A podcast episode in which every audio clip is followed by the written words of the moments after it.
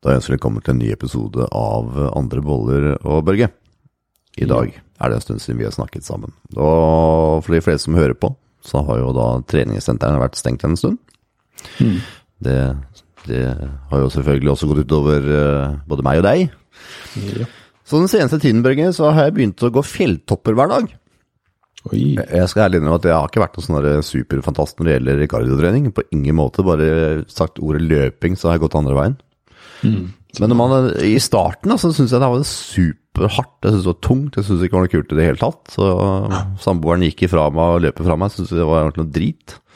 Jeg var skikkelig nedtur, skal jeg være helt ærlig.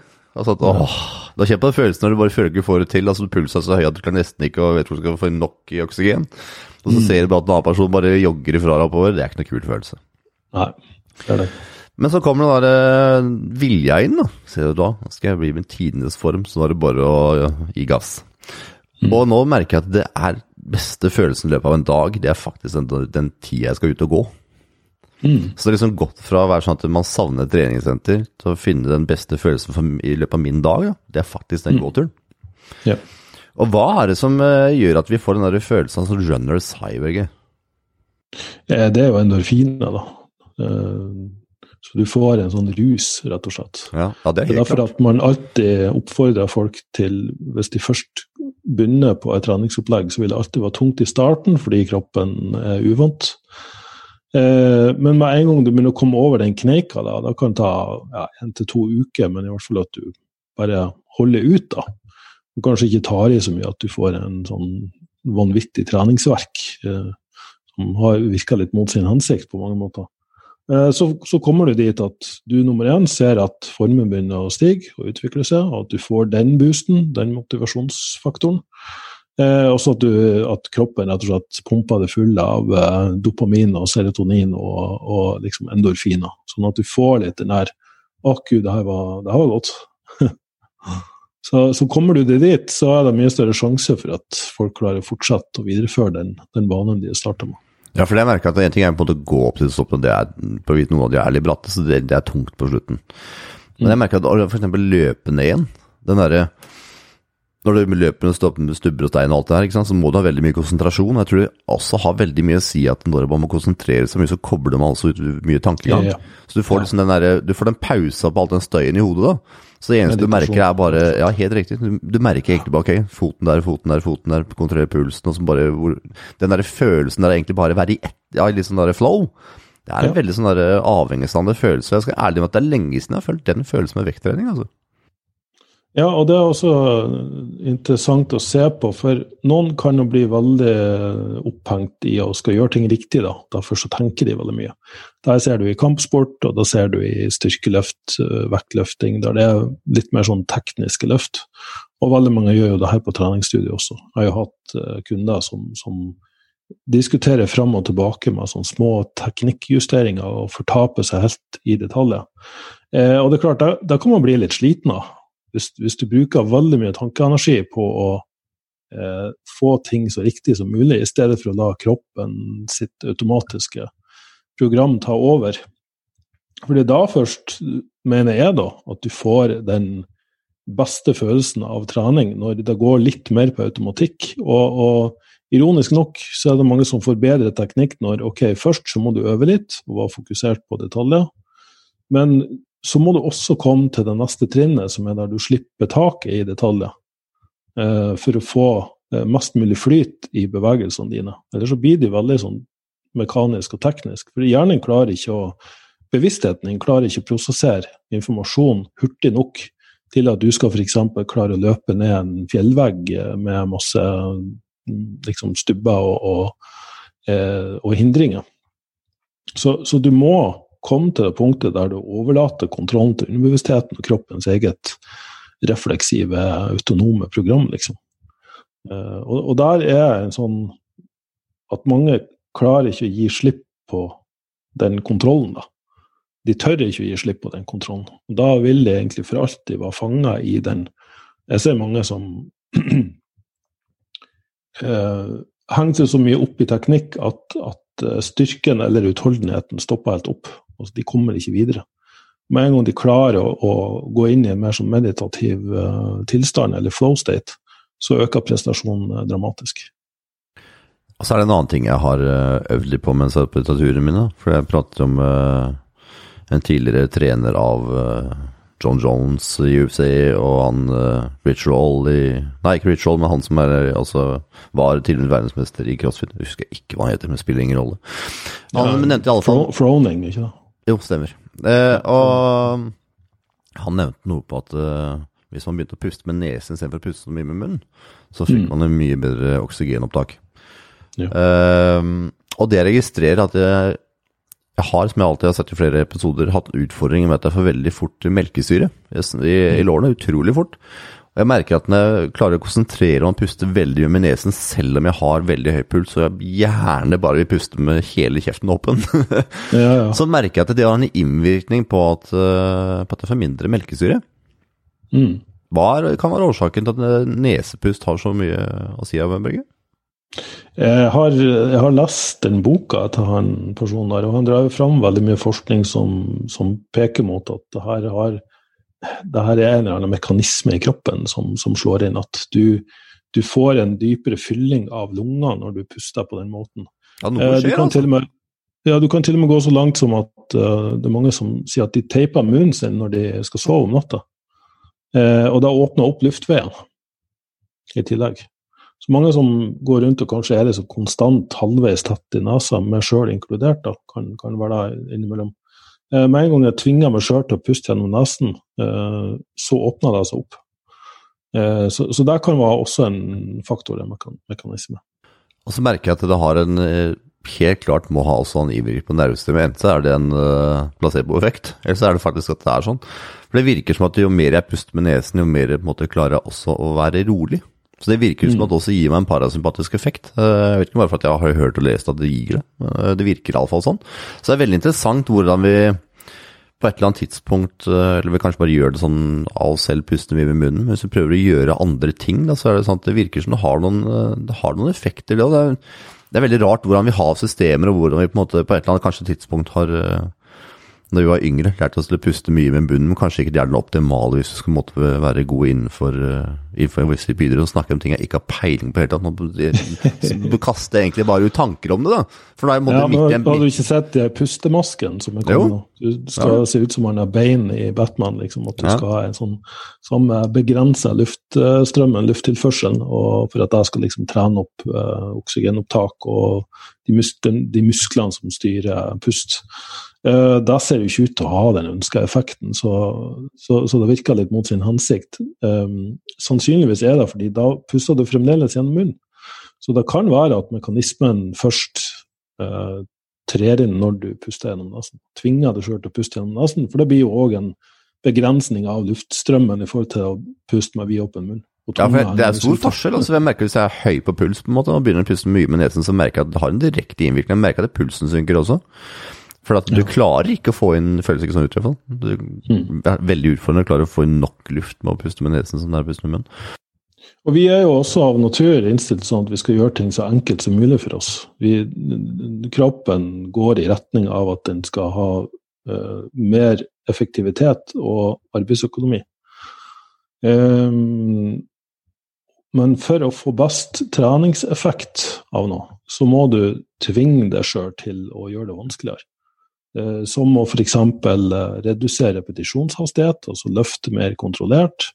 Eh, det å ta kalde dusjer og kalde bad, det å sitte i infrarød badstue og liksom utsette seg sjøl for store temperatursvingninger. Så, så alt sånn som faktisk at du går inn for å gjøre ting litt vanskeligere for deg sjøl, vil jo da nødvendigvis også gi kroppen en kraftigere stimulans for å bli bedre i den retninga det er snakk om.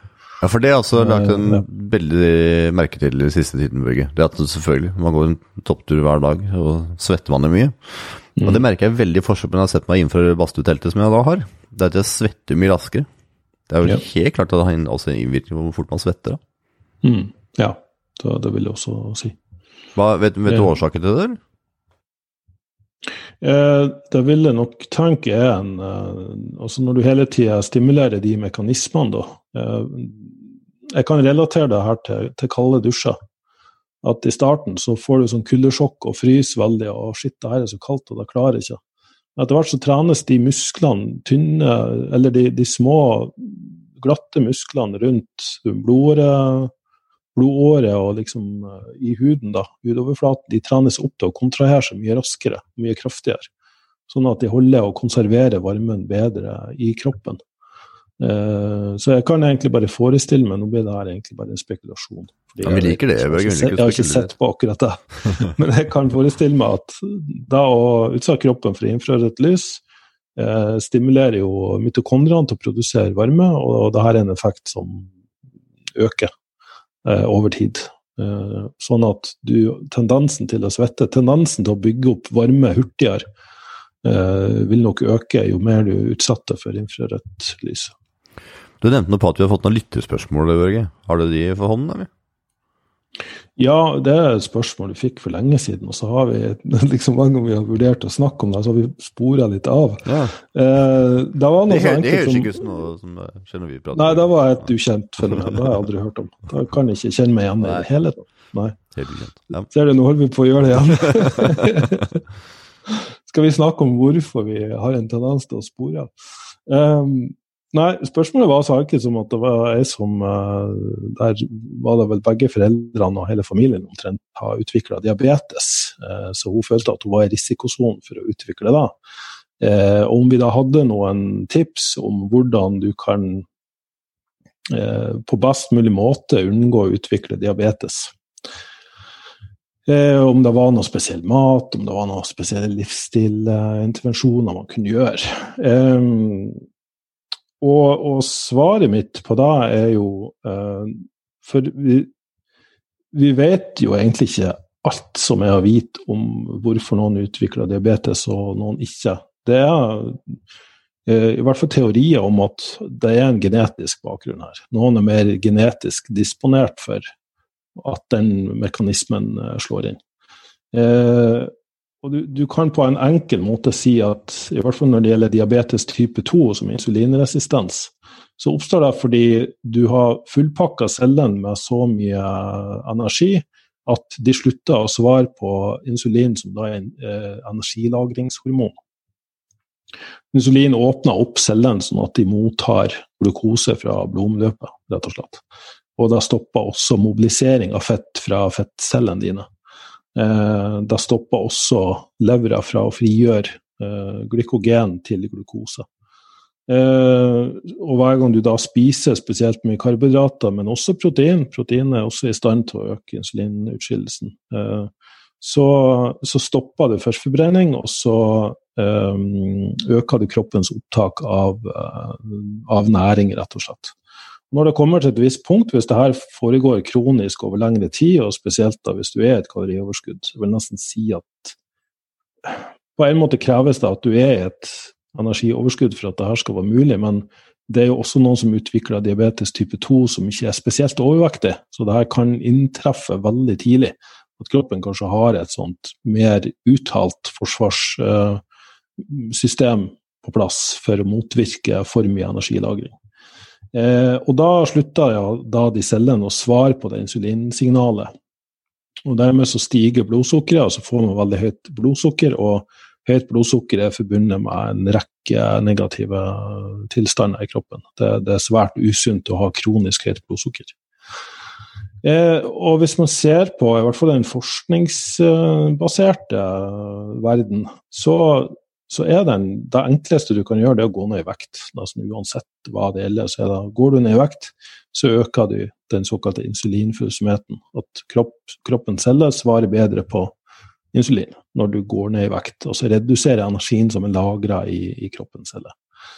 Eh, hvordan du kommer dit, kan man jo begynne å debattere litt. Noen sier jo at f.eks. trening og aktivitet ikke virker. At eh, du kan ikke trene, trene bort uh, vekt i noe særlig grad. Så på delvis enig, dvs. Si at på en time trening så kanskje forbrenner man 200-300 kalorier, og det er så enkelt å kompensere for ved å bare spise en halv brownie, liksom.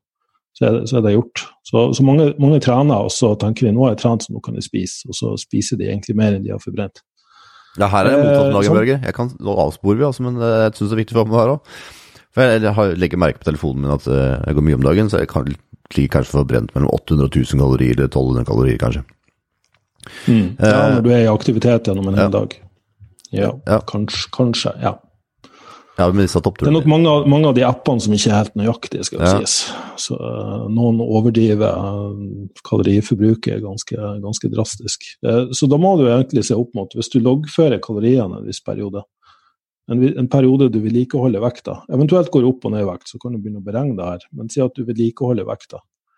Eh, da er det da du forbrenner. Per definisjon så er det vedlikeholdsnivået i kalorier. Så, så spiser du 3000 og du verken går opp eller ned i vekt, så er 3000 ditt vedlikeholdsnivå i kalorier. Altså det du forbrenner i løpet av en dag, som er kombinasjon av din hvile, altså basal metabolisme, og aktivitet. Også der med termiske effekter når du spiser osv. Um, også kroppens eh, energiforbruk når den eh, fordøyer mat.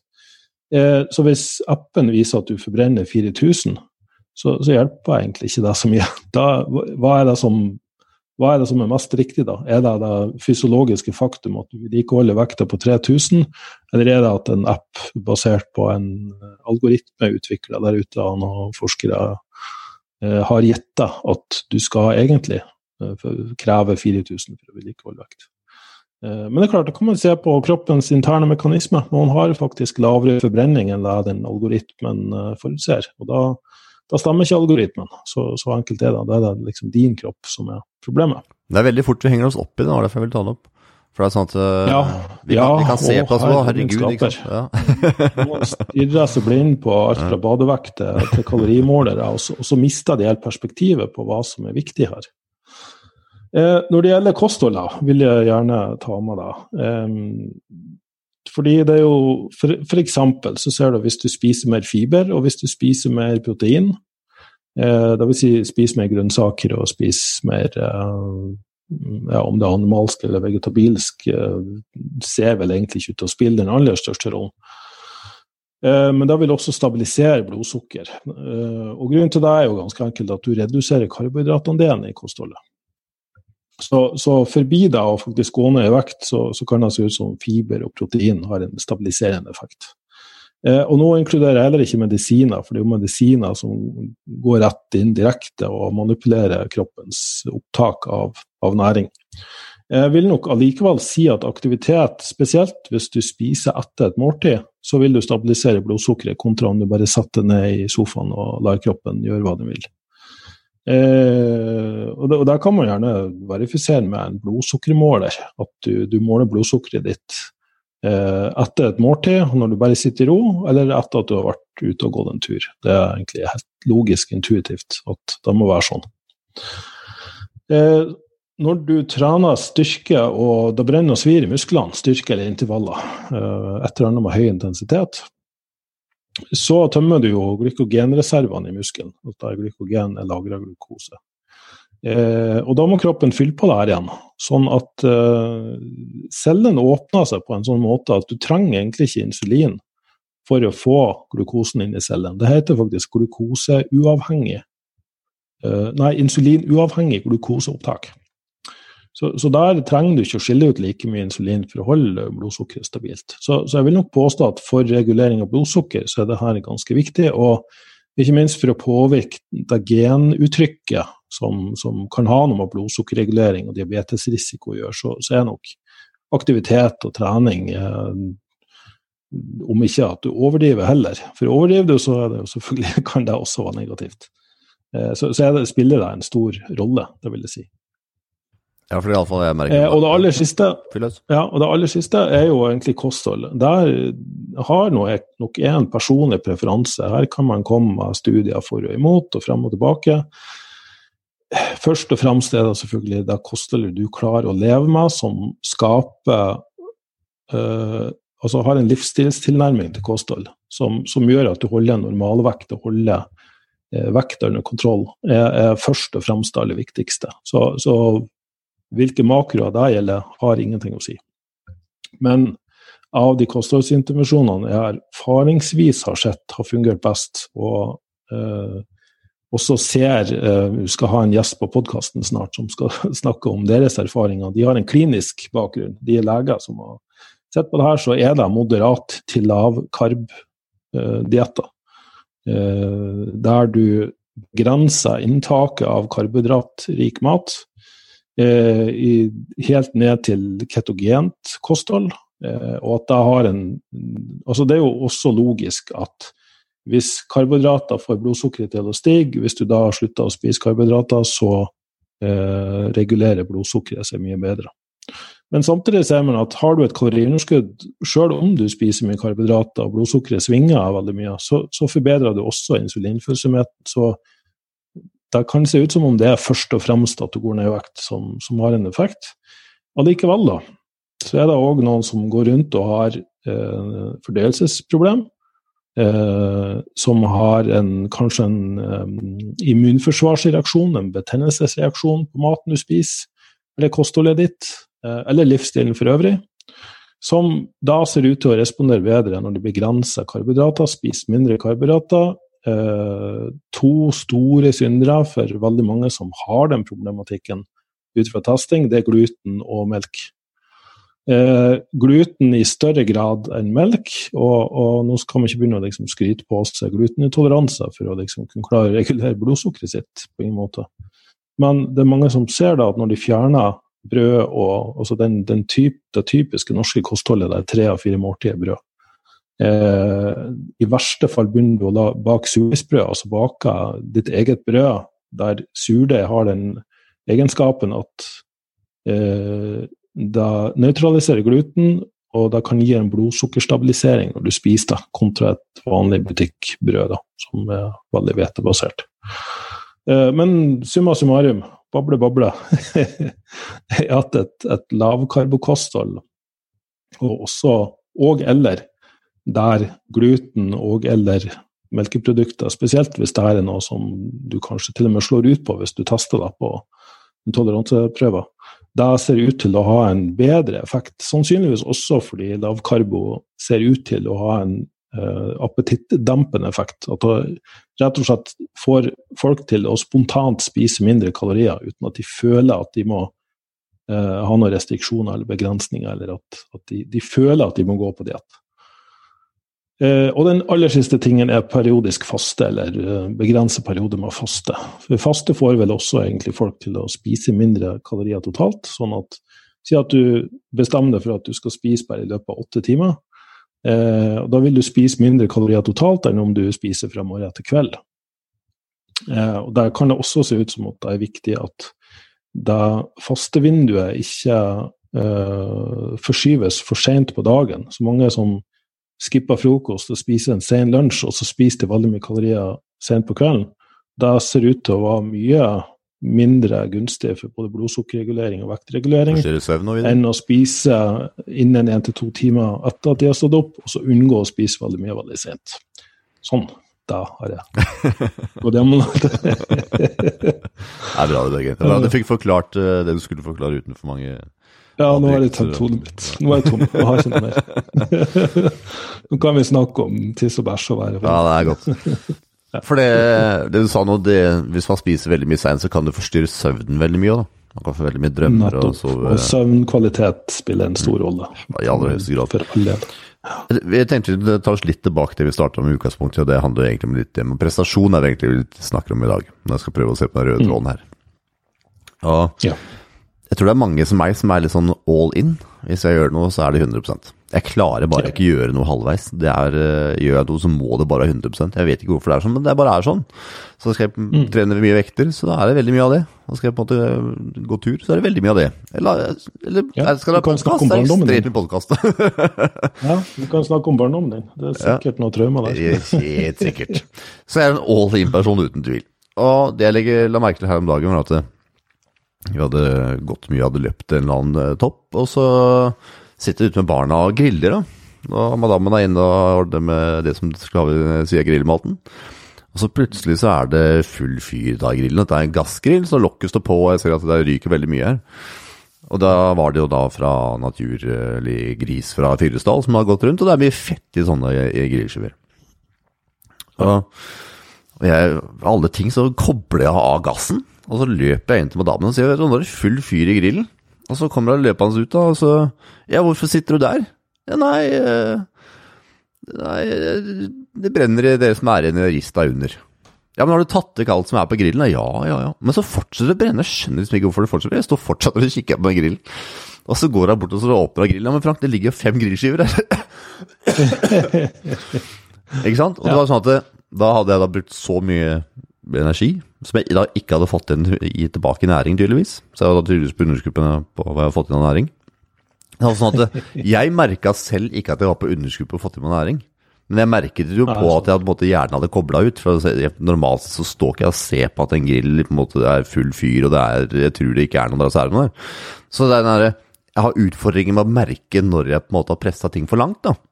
Og Jeg tror det er mange som er der. Så, så hvilke tips er det du har, Berger, for vi som er litt sånn til å gå all in når det er uh, Vi på en måte kan ekstremt mye fysisk så glemmer vi kanskje å spise, eller veis versa? Ja, det vil kanskje være litt proaktiv, da. Hvis du vet at det her er noe du har for vane å gjøre, så kanskje spise litt ekstra før. Det, det, er vel egentlig det beste tipset. For som jeg og du har jo jobba med folk eh, med mental fitness i, i mange år, og, og, det der å Hvis du først går inn i et sånt program, et sånt spor som du er vant til å gjøre, eller har for vane å gjøre, så det å snappe ut av det kan, kan være en utfordring. Det er gjerne sånn at du i etterpåklokskap kan bedømme at du, det her var bra eller ikke fullt så bra. Eh, men, men, in the moment, da. Og det er på sånn måte som hvis en idrettsutøver er in the zone. Eh, hvis du skal klare å trene de opp til å snappe ut av the zone, så er det ikke sikkert at du har så mye hell med det. Så, men i hvert fall kanskje ha en vurdering i etterkant av var det her et bra reaksjonsmønster eller, eller ikke. Og, og, når du trener opp f.eks. krisepersonell da, til, å takle, til å takle krisetilstander, så må du bare øve på det lenge nok til at det blir en del av det programmet de tyr til når det, når det oppstår en, situasjon. Så det er å øve på å spise mye mat, altså? Ja, også i dette tilfellet mener jeg løsningen er så enkel som å faktisk bare spise litt mer enn du tror du trenger, eh, sånn at du ikke får baksmell etterpå. Eh, men skulle uhellet være ute, holdt jeg på å si, eller at det her skjer, at du får en krasj etterpå, så er det jo ikke verre enn at du bare spiser litt ekstra da. Det er jo ikke noe, det er jo ikke noe konsekvens av å få lavt blodsukker i den forstand, med mindre du er diabetiker. Nei, for det, det som jeg merker eh, i mitt tilfelle, det er at eh, jeg føler ut som at alt er på plass. Men så skjønner jeg etterkant at alt var ikke på plass. Så det er sånn at jeg kan kjøre en plass, eksempelvis. Det skjer her svært sjeldent, altså. Men det er bare Jeg tror det er mange som er i samme situasjon. Og det at vi kan mm. det, I der og da, i, i nå, altså i, i, i, den nåtiden da, som er da, så føles det ut som at alt er greit. Jeg følte jeg kanskje var litt sliten, men alt føltes veldig greit. Jeg følte meg ikke for sulten heller. Men jeg skjønte mm. i etterkant at det her var jeg på en måte pressa for langt i forhold til hva jeg hadde fått inn av næring. For jeg merka så fort jeg hadde spist Oi, her funka på en måte hjernen tilbake til normalt igjen. Men det er sånn at jeg merker det ikke der og da. Og jeg tror at Hvis ikke jeg gjør det, så er det sikkert mange andre som gjør det også. Og det er en ja, og det der med at man blir, får mer humørsvingning og, og blir mer ekstrem i tankegangen, det, kan også spores tilbake til underskudd av næring. Altså. Så, så det, det, er greit å være bevisst på det, og kanskje ikke tenke at det er noe feil med det, men at det kan faktisk være så enkelt som at du ikke har spist nok eller riktig innimellom. Ja, så da blir det sånn at man først liksom er i den perioden her, så man, man har nesten nødt til å spise alt man kommer over. For man trenger på, på, såpass mye at det er vanskelig å det er vanskelig ikke å trekke seg en dreisen, på en måte. Så man føler at man trenger veldig mye næring. og så har man mm. spist mye, ja. man, man hungrer jo egentlig på alt. Så er det Har du noen tips der? For jeg tror det blir fort blir litt sånn at man hungrer mye ting, så blir det sånn at å, ja, ok, jeg spiser middag, men så tar jeg liksom to iser i tillegg. Der, har det, ja, har det så mye å si egentlig når man måtte ha såpass stor aktivitet, eller? Min oppfatning er jo at eh, For kroppen har jo en, en, fin evne til å sømløst bytte mellom drivstoff. Eh, fett, ketoner, glukose. Også protein omdanna til glukose. Det er jo en viktig mekanisme, spesielt for de som spiser mye protein.